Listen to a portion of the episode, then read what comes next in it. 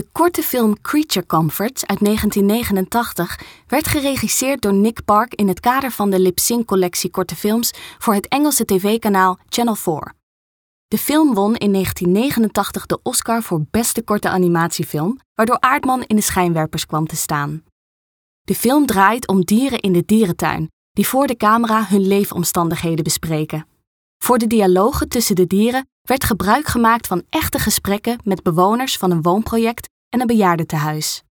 In tegenstelling tot films als Pip en Polk, waar de animatie overdreven is, komt Creature Comforts veel natuurlijker over. De onbewegelijkheid van de dieren op de voorgrond trekt de aandacht van de kijker naar de details en grappen die in de achtergrond verborgen zijn. Deze personages zijn karakteristiek voor het werk van Aardman, of het nu gaat om de puma op zijn tak of de ijsberenfamilie, waarvan we hier een gietvorm zien.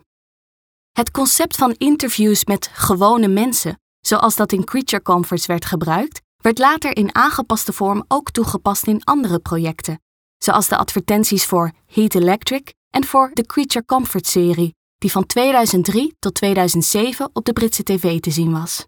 Hier zien we een van de sets uit dit programma.